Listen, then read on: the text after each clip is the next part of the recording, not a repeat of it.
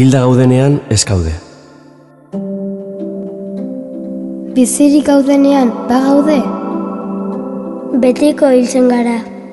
Noiz arte ordea? Noiz hasten gara hiltzen? Jaiotzea alderantziz hiltzea da. Izarretan dauden hilak itzali egiten aldira goizean. Zeruan daudenak ez aldira erortzen. Hotz egiten aldu zeruan. Hildakoek ametxik egiten aldute. Euliak gelditu egiten aldira hiltzeko. Hildako txoriak zeruan horperatzen dituzte. Mantxoago hiltzen aldira karakolak erbia baino. Nola hiltzen dira algak? Egunen batean danok hilko gara. Gainerakoetan ez ordea. Zer dago hil eta gero? Ez errez. Eta pixka bat urrunago? Harriak hilda aldaude. Bizirik aldago ezea. Arnazarik hartzen aldu goroldioak. Lurraren kontra hiltzen alda euria. Ostoek hiltzen tantzen egiten dute. Gu jaiotzeko nor hil behar izan du? Inor ez da besteren ordez hiltzen. Non itxarotzen digute hilek. Zin estaziotan. Hildakoekin isilka hitz egiten da. Delikatuak dira.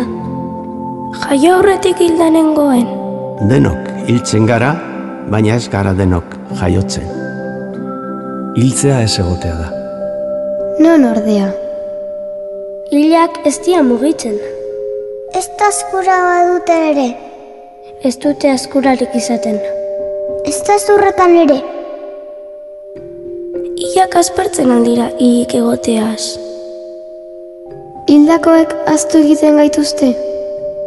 Oroitzen alduzu hildakoren baten ahotza? Aiteitakoa daki hilda dagoela. Eta hiltzea flotatzea balitz? Zabaltzea. Isiltzea. Askatzea. Abiatzea. Pausatzea. Lambrotzea. Eskutatzea. Arritzea. Asmatzea. Ulertzea. Jakitea. Batzea. Desagertzea. Jaiotzea. Itzultzea balitz hiltzea. Ez zaite zili. Egin kilikili.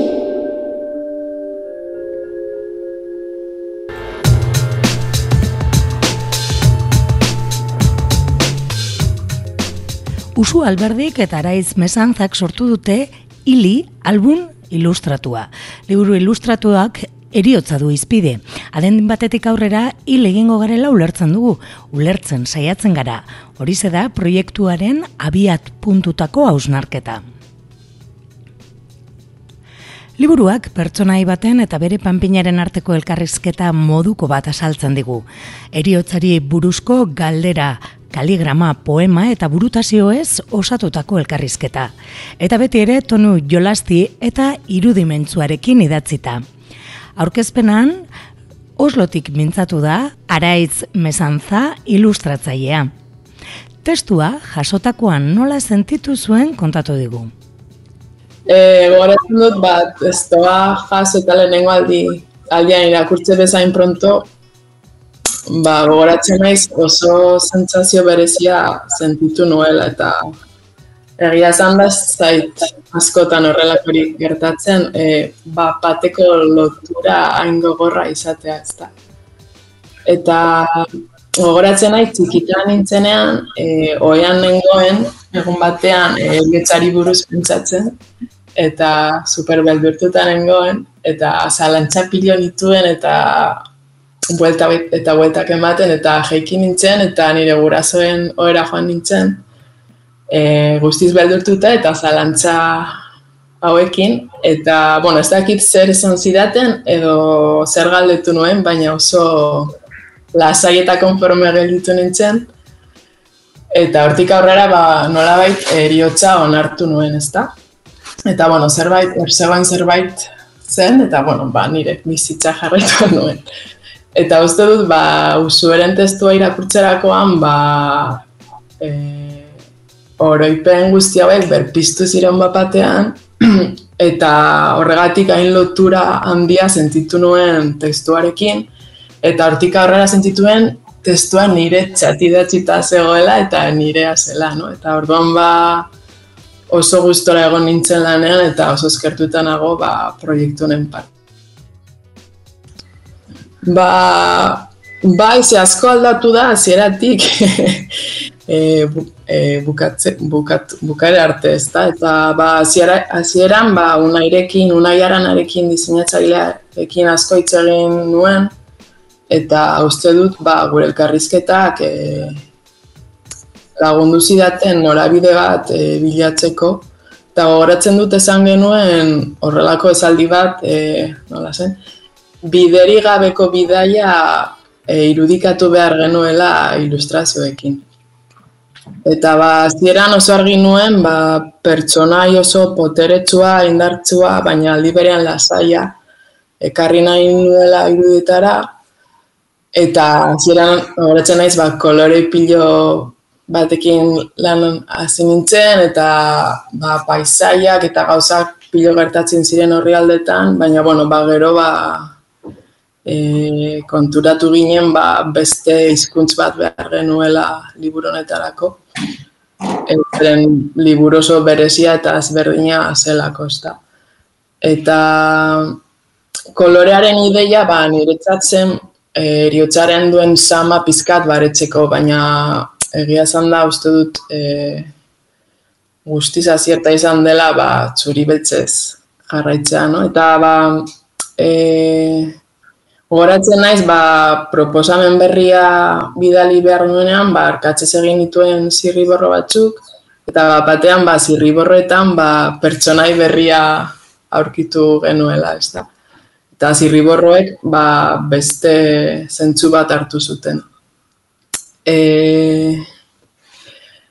eta ere gogoratzen dut, ba, usue planteatu zuenean, e, pertsonaia lagun bat behar zuela, eta jo, uste dut ba, az, primerako asmatzea izan zen, ze azkenean ba, pertsonaia arteko erlazio horri ba, liburua behar zuen, bueno, do, ilustrazioak behar zituzten, berotasuna eta harina, harina, harintasuna ekarri dutela.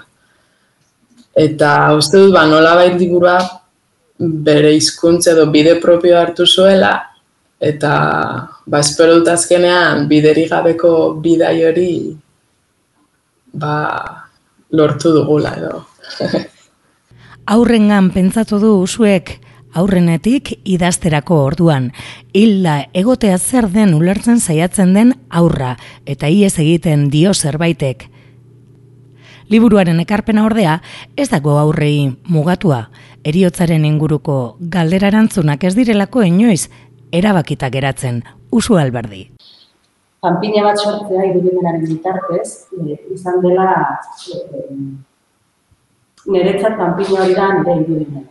Eta nolabait niri irudimena, e, ba, imaginazioa, jolastea, absurdoak, literatura, poetika laguntzen didate panpina hori batera bezala hiltzeaz pentsatzeko, hiltzearekin, hiltzea hil behar naizela jakinda, ba, bizitzeko, bidaia e, hori egiteko, ez? E, bakarrik zaude, baina aldi berean, ez esan duzuna, umearen, ahots e, hori e, inozentia dena, humoretsua dena, e, bere buruari baimentzen diona e, galdera absurdoak e, egitea, e, eriotzaren eta bizitzaren arteko marra hortan jolastea, ba, badasaigarria da, hor, eukitzea amatxuri, baretzen, baretzen nau, eta araizek esan bezala e, presentzia potente eta lasai hori niretzat oso importantea e, lortu duena. Araizek ez, sosegu hori, umea hain, e, ez dakit ez da, hain teknika simplea, ez, arkatz batekin, eta